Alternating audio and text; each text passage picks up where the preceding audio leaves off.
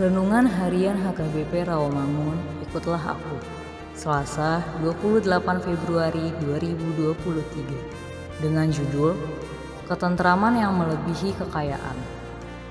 Bacaan kita pada pagi hari tertulis dalam 1 Korintus pasal 14 ayat 1 hingga 12. Bacaan kita pada malam hari tertulis dalam 2 Timotius pasal 1 ayat 3 hingga 10 dan kebenaran firman Tuhan yang menjadi ayat renungan kita hari ini tertulis dalam Amsal pasal 17 ayat 4 yang berbunyi Orang yang berbuat jahat memperhatikan bibir jahat.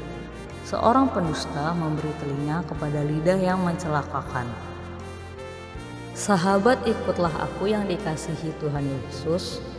Hidup damai dan tenang serta tentram adalah dambaan semua orang karena hidup kita sangat bahagia menikmati situasi yang damai ini. Untuk itulah ketentraman ini sangat berharga bagi kehidupan semua orang.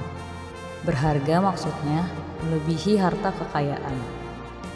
Ketentraman tidak ditentukan oleh berapa banyak kekayaan yang kita punya, tapi ditentukan oleh sejauh mana kita menikmati anugerah Tuhan.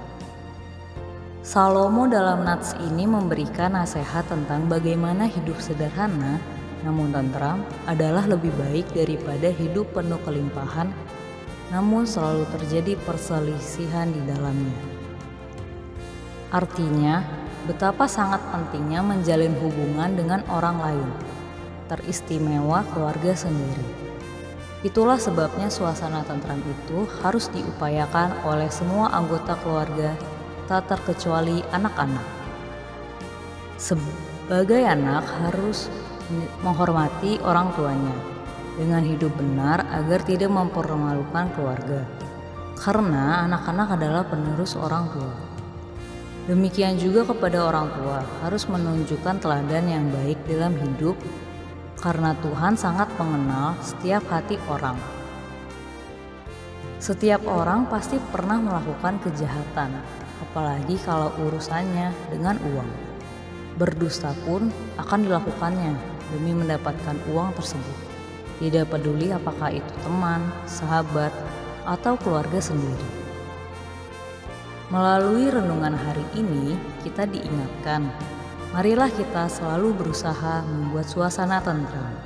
Dengan demikian, kita akan menjadi anak-anak Tuhan yang melakukan kehendaknya dengan berbuat hal yang dapat membahagiakan orang lain. Jauhkanlah segala hal yang jahat, cintailah kedamaian dan ketentraman. Tuhan pasti melimpahkan rahmat dan berkatnya kepada kita. Amin. Marilah kita berdoa. Tuhan Yesus, jauhkan dari pikiran kami niat untuk menjatuhkan orang lain, cemburu karena karya orang lain. Amin.